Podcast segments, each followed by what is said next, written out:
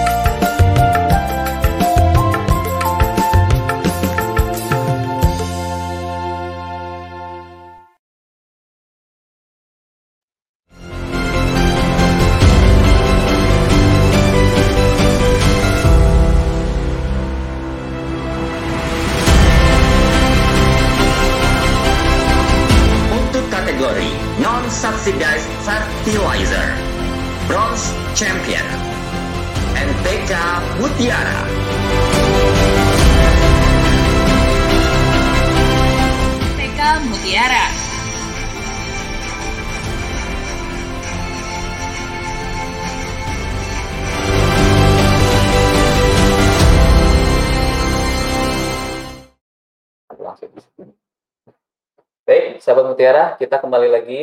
Uh, sesi berikutnya adalah ya, kita sesi tanya jawab. Ya sudah tadi ya Mas Denny juga istirahat dulu. Ya kemudian juga tadi sahabat Mutiara juga bisa uh, melihat ada beberapa video testimoni dari berbagai wilayah yang ada di Indonesia yang sudah diliput oleh rekan-rekan kami ya di ada yang tadi dari ada dari Sumatera Utara, kemudian ada Sumatera Barat, kemudian daerah lainnya seperti di Brebes dan lain-lain. Ya mudah-mudahan sahabat mutiara bisa lebih jelas ya mengenai produk yang Capital Play. Tapi tidak usah khawatir, misalnya sahabat mutiara masih ada yang ingin ditanyakan, uh, silahkan ya kami tunggu pertanyaannya baik itu yang masuk melalui Facebook atau Instagram ataupun channel YouTube kami. Oke ini uh, Mas Denny ada pertanyaan pertama yang masuk melalui Facebook ini dari Bapak Acep Andara Uh, Pak Acep ini bertanya, izin tanya Pak Garis, jika Vitoplek yang kemasan 25 gram dijadikan pekatan, berapa liter atau mili, a, mili air dan untuk pemakaiannya berapa mili per pompa? Itu pertanyaannya. Uh, Pak Acep ini lagi bersama Kang Adit, mungkin lagi bareng ya di, di sana ya, nonton bareng mungkin acara kita. Iya. Oke, mungkin mau Ya, Kang ya Mas Denny jawab boleh. Intinya mau dibikin pekatan atau? Iya. Jadi halo Kang Acep yang lagi nonton sama Kang Acep. Adit ya. Kang Acep. Acep ya, Pak Acep. Iya, lagi nonton sama Kang Adit. Semoga sukses selalu ya. Jangan lupa tetap jaga jarak dan pakai masker. Jadi pertanyaannya di sini uh, dijadikan pekatan 25 gram. Mungkin maksudnya ini 25 gram itu buat berapa liter air gitu ya, Kang Garis ya? Uh, ya mungkin satu itu. Hmm. kemudian mungkin mau uh, mungkin Pak Acep ini mungkin mau mau mau nyemprotnya mungkin per tangki tapi mau belinya mungkin kemasan 25 gram. Oh gitu. iya. Jadi kalau Kang Acep ini e, membeli kemasan 25 gram itu lebih baiknya digunakan buat e, maksimal itu 200 liter air. Nah, tapi nanti kalau misalkan mau dijadikan berapa tangki, tadi tinggal dikalkulasi aja. Jadi hmm. kalau misalkan 2,5 gram itu buat satu tangki, tinggal berarti tinggal dibagi 10 aja kan garis ya. Iya, bisa nah, berarti untuk 10 tangki. Ya. Tangki bisa. Seperti Atau ya, kalau misalnya saya tambahin mungkin kalau misalnya bikinnya pekatannya berapa, misalnya ya bisa di satu liter air bisa. Bisa. Atau air kemasan air mineral kan ada yang ukuran satu setengah nanti bisa diisi misalnya satu liter kemudian masukin apa Hmm, bertahap eh, gitu ya. Hmm. masukin dua setengah gram nanti satu liter itu dibagi untuk berapa tangki? Nah, 10 berapa? tangki ya 10 tangki ya. berarti tiap satu tangki 20 liter itu misalnya ngambil dari eh, botol kemasan itu ya 200 mili. Mili. gitu aja. Oh, iya. Lebih seperti itu. Seperti itu ya, ya. Acep. Acep. Kemudian Selanjutnya jelas. ya, Oke, kita mudah-mudahan tunggu jelas. lagi. Oh ini ada masuk lagi, eh, Mas Denny ini dari Facebook lagi ya. Betul. Ini ada Bapak Eyang Raksa. Bapak Eyang Raksa ini bertanya eh, satu, wah ada dua pertanyaan nih. Mas Denny tanya, Fitoplek kalau aplikasinya di mix dengan pestisida bisa atau tidak? Ya. Seperti itu. Yang kedua, untuk sayuran daun seperti bayam, sawi atau kangkung, aplikasinya berapa kali ya? Seperti itu. Ya. Ini pertanyaan dari ya, Dari Pak Pak Yang. Yang Raksa. Pak Pak Yang Eyang. Ya, silakan. Ya, jadi eh, Pak Yang Raksa, jadi salah satu keunggulan dari Merauke Fitoplek itu tadi sudah dijelaskan sama saya, dia itu aman, cenderung aman ketika Hmm. diaplikasikan dengan eh, pestisida atau fungisida. Kita eh, kalau ingin lebih eh, efisiensinya lebih tinggi atau efektivitasnya lebih tinggi di lapangan, cara mencampurnya mungkin bisa dipisah dulu ya Kang Garis ya. Misalkan antara eh, cairannya itu yang Merauke Fitoplek itu dijadikan satu, satu cairan dulu, Hmm. nanti fungisida sama pestisida dijadikan satu cairan dulu, nanti baru dijadikan satu. Ya. Jadi biar tidak mengendap seperti itu ya Kang Garis ya. Eh, eh, terus Ya. aplikasinya itu berapa ini ya? Intervalnya itu berapa kali gitu ya? Ah, kalau untuk sayuran daun seperti bayam, kangkung Iya. tadi itu aplikasinya berapa kali katanya? Jadi idealnya itu bisa 10 hari sekali atau dua Hmm. minggu sekali. Itu buat sayuran daun. Iya. Mungkin sayuran hortikultura juga sama seperti itu. Kalau menurut pengalaman Kang Garis, itu efektivitasnya itu berapa kali Kang Garis? Coba bisa ditambahkan.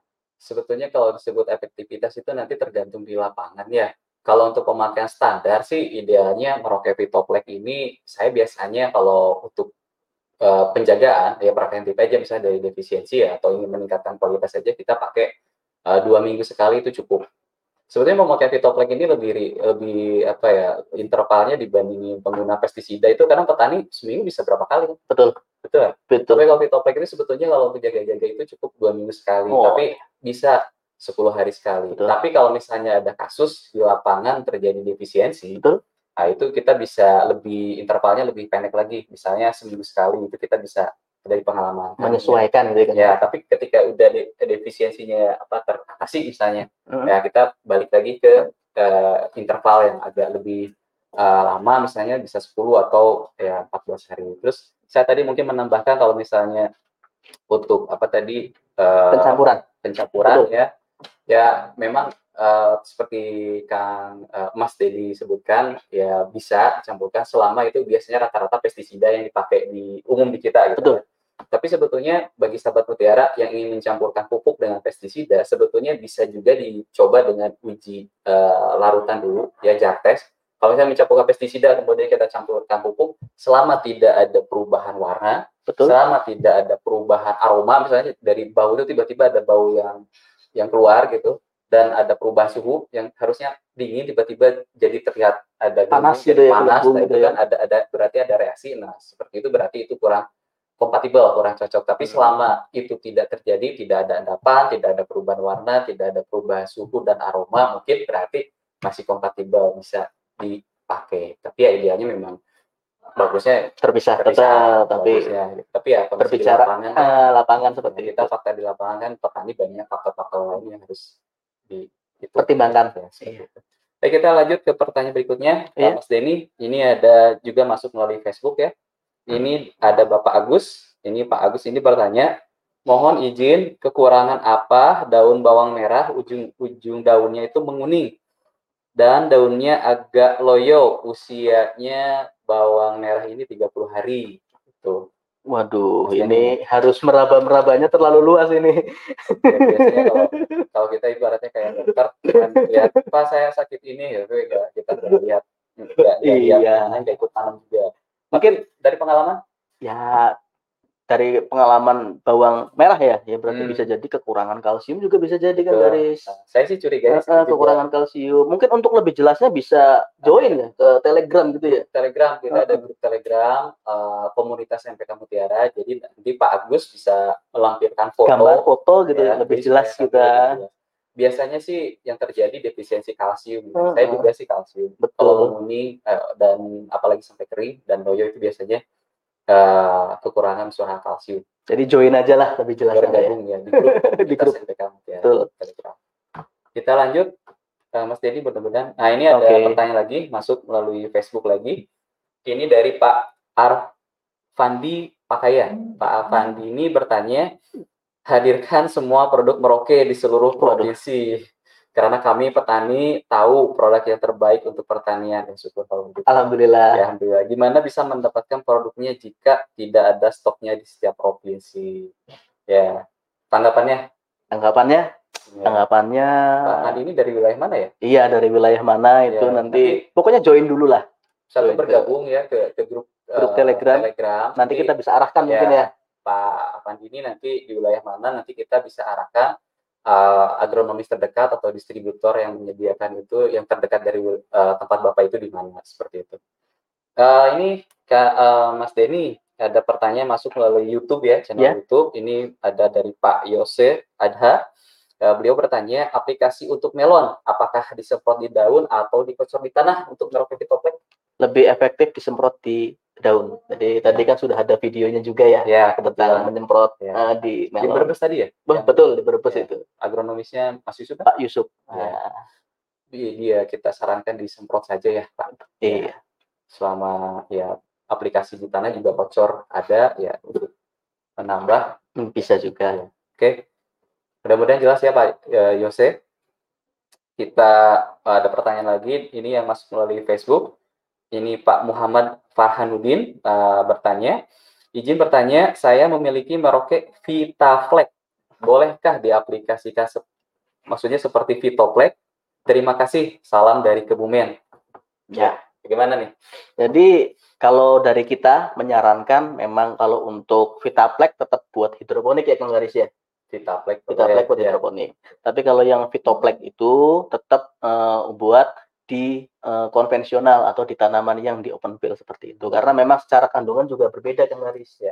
Secara kandungan berbeda eh, mau dipergunakan sebaliknya itu ya tetap ada resiko yang eh, akan terjadi seperti itu Kang Hmm. Jadi saya juga pernah cerita kemarin ya mungkin ya sama Kang Garis ketika di hidroponik ternyata pakainya Vitoplex ternyata juga ada ada ada efeknya juga gitu kan Kuning. klorosis. menguning klorosis Daun pucuk. iya Ya, itu berarti. FE-nya kurang. hmm, karena kan ternyata kandungan Fe-nya lebih lebih besar di Vitoplex gitu kan ya, Ya, iya jadi Vitaplex lebih sorry besar FE. iya betul jadi untuk kami tadi ibu ibu siapa Pak ya Muhammad. Pak Muhammad, kami tetap menyarankan tetap pada porsinya masing-masing. Uh, insya Allah sudah tersedia di toko pertanian terdekat di Bumen. Seperti itu. Dan lebih simpel pemakaiannya. Betul. Jadi kalau untuk satu tangki satu saset, eh, untuk satu drum ya satu saset juga Iya. 25 gram. Kalau yang itu kan dadak nimbang. gitu ya berarti kan ya. tuh. Ya, iya betul. Ya harus disesuaikan dengan kebutuhan Eh, hara juga sih. Iya betul. gitu. Oke, eh, ini ada pertanyaan lagi yang masuk melalui Facebook lagi. Ini dari Bapak ya, Bapak ya Yafi Manutu. Pak Yafi bertanya, Om Denny, tanya nih, kenapa kok di Vitoplex presentasi kandungan mikronya paling tinggi MN, yakni 7%, dan yang paling kecil itu MO atau molybdenum. Atas dasar apa kandungnya seperti itu? Terus yang kedua, apakah dengan kandungan Vitoplex yang seperti tersebut cocok untuk semua jenis tanaman? Terima kasih. Wah. Pertanyaannya akademis sekali. Hmm. Kayaknya berasal dari ak- aktivis kampus, akademisi kampus. Bisa jadi ya. Yang kritis juga bisa. Bisa Petani jadi. Kritis, Petani petani kritis, juga, oh iya. ya. Bisa juga. Jadi memang Merauke Vitoplex ini kenapa kandungannya itu MN-nya 7, terus apa namanya MO-nya itu kecil ya, MO-nya itu Kecil. 0,1 persen. Dan memang sebenarnya kita ini sudah disesuaikan sama kondisi tanah yang ada di Indonesia secara umum kan Ya. seperti itu. Hmm. Jadi eh, jangan khawatir ketika menggunakan Merauke Vitoplex ini buat tanaman di open field atau di lahan secara Hmm. konvensional Ya. tetap kebutuhan unsur haranya tercukupi dan produktivitas produktivitas tanaman pun tetap akan optimal. Jadi seperti itu. Jangan khawatir Ya. seperti itu. Kalau saya sih menambahkan mungkin ya sejarahnya ya karena kebanyakannya kebanyakannya apa secara umum tanah-tanah di kita ini ya untuk MN-nya memang masih banyak yang kekurangan. Tetapi kalau FE kayaknya udah agak cukup Ah, gitu ah, betul. kandungan FE-nya. Nah, tapi bedanya sama Vitaplik itu kalau di air justru ya FE-nya yang kekurangan. Harus- iya, kalau di betul. tanah tadi Oh, MN-nya yang agak kurang. Jadi sengaja kita buat MN di Vitoflex itu memang lebih tinggi daripada uh, zat besi gitu. hmm. Kalau molybdenum bisa dibilang ya kenapa paling kecil ya dia unsur hara mikro yang paling sedikit penyerapannya dibutuhkan ya ya. yang paling sedikit. Nah kalau misalnya tanya ini eh, tadi ada tambahan bukan eh, maksudnya kalau untuk semua jenis tanaman apakah boleh? Ya boleh dengan eh, dosis yang sama dua 25 gram per drum 200 liter itu bisa. Seperti gitu, seperti itu. Mudah-mudahan jelas ya. Mudah-mudahan jelas. Tapi kalau belum jelas nanti bisa bergabung di grup Betul. ya di grup Telegram. Eh, pertanyaan berikutnya ini eh, Mas Denny ya. Ini ada dari Facebook lagi. Ini dari Pak Benget Simbolon. Ini beliau bertanya, bisa diaplikasikan pada kentang stek mini kah? Eh, pakai ap- pakai apa saja aplikasinya? Atau mungkin maksudnya apakah ya intinya apakah bisa pada Ya. kentang stek Pada yang stack pin itu ya, ya, bisa. bisa ya. Jadi tetap bisa karena eh, tanaman baik dalam eh, fase vegetatif ataupun generatif tetap membutuhkan eh, unsur hara mikro. Ya. Kita tinggal menyesuaikan aja nanti apa namanya eh, dosisnya atau apa nama interval penyemprotannya itu tinggal disesuaikan dengan kondisi tanaman itu sendiri. Itu seperti itu. Intinya semua tanaman bisa. Bisa, betul. Ya, semua tanaman bisa. Jadi kayak intervalnya nanti lihat situasi. Betul. Ini ada pertanyaan yang masuk melalui channel YouTube ini eh, Mas Denny ya. Ini ada dari Pak Yusuf. Pak Yusuf bertanya, ya Pak Yusuf bertanya, maaf izin bertanya, profit merah untuk pembungaan dan profit orange untuk buah. Bagaimana untuk tanaman cabai yang bunganya terus dan buahnya juga? Apakah profit merah dan orange di mix atau masing-masing? Oh, maksudnya gini, maksudnya ya, Pak Yusuf ini nanam Hmm, cabai. Tapi kan fase itu kan nggak bareng gitu. Maksudnya Hmm. ada tanaman yang lagi berbunga, ada tanaman yang lagi berbuah. hmm, Mungkin maksud seperti itu. Nah ini kan tadinya eh, Pak Yusuf ini pakai profit merah kan tadinya untuk pembungaan. hmm. Nah tapi beliau juga karena melihat ada tanaman cabainya yang udah berbuah, dia juga pakai profit orange kan dengan Hmm. kandungan K-nya lebih tinggi. Nah ini pakainya seperti apakah? Ya, apakah dicampur di mix gitu profit Hmm. orange dengan profit eh, merahnya atau Hmm. seperti apa? Jadi ini mungkin umur fase tanamannya berbeda mungkin ya Kang Garis Ya, ya. satu fase memang kadang ini ada yang lagi udah masuk bunga, ini udah Oh. masuk buah, gitu kan, Hmm. seperti itu. Apalagi kalau cabai kan eh, bisa lama umurnya, Hmm, hmm, kan ada udah udah ada yang petik, yang ini ada yang keluar lagi bunga, ada lagi pembesaran buah, ada yang pematangan seperti itu, gitu. Maksudnya seperti itu mungkin Pak Yusuf. Hmm. Nah ini gimana? Apakah di eh, mau dicampur aja profitnya atau seperti apa? Kalau menurut bisa menyesuaikan sama brosur aja sih. Nanti dilihat di brosurnya itu seperti apa. Untuk tanaman cabai itu lebih efektifnya itu eh, pas pembungaan itu pakai profit apa ada di situ lah Kang Haris. ya, Jadi tapi coba kalau menurut saya sih tidak perlu dicampur ya Pak. Tidak kami sarankan mencampur misalnya uh, profit orange dengan profit aksi gitu kan atau profit uh, merah misalnya.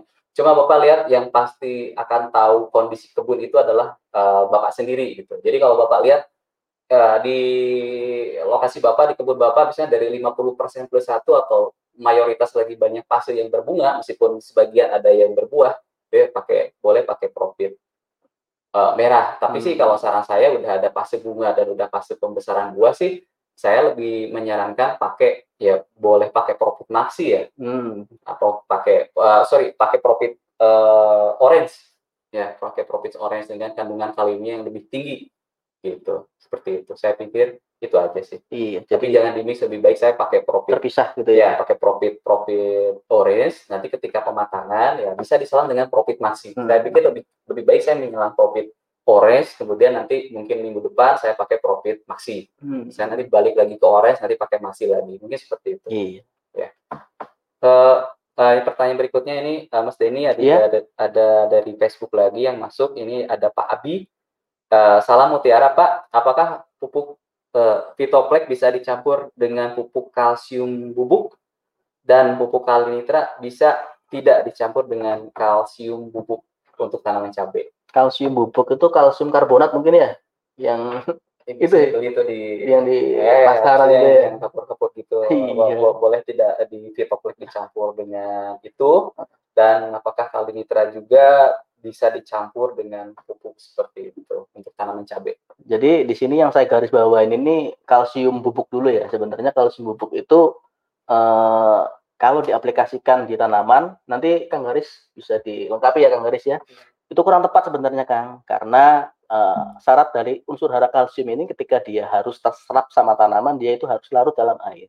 Jadi yang saya garis bawahi di situ penggunaan kalsium bubuk itu kurang tepat.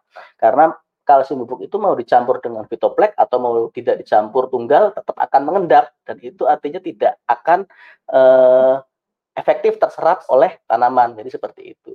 Jadi alangkah lebih baiknya untuk memenuhi kebutuhan kalsium yang ada di tanaman eh, tadi bisa menggunakan meroke kalnit, meroke kalnit hmm. atau karate plus boroni. Jadi seperti itu. Hmm. Nah, terus yang jadi pertanyaan selanjutnya apakah bisa dicampur unsur kalsium ini dengan eh, pupuk daun lainnya? Jadi unsur kalsium ini termasuk unik jadi ya. Jadi dia itu eh, ketika dicampur dengan uh, sulfur atau fosfat dia itu akan mengendap jadi harus uh, lebih baiknya itu uh, tunggal atau sendiri kalaupun mau dicampur tadi seperti yang saya jelaskan Kang Garis hmm. jadi terpisah dulu ya. baru dicampur itu akan lebih efektif ya silakan Kang Garis ditambahin barangkali ada. Uh, mungkin kalau misalnya nanti uh, ingin mengganti pupuk kalsiumnya, misalnya dengan pupuk kalsium yang larut air, kami kan tadi ada kalit, ini kan kandungannya kalsium.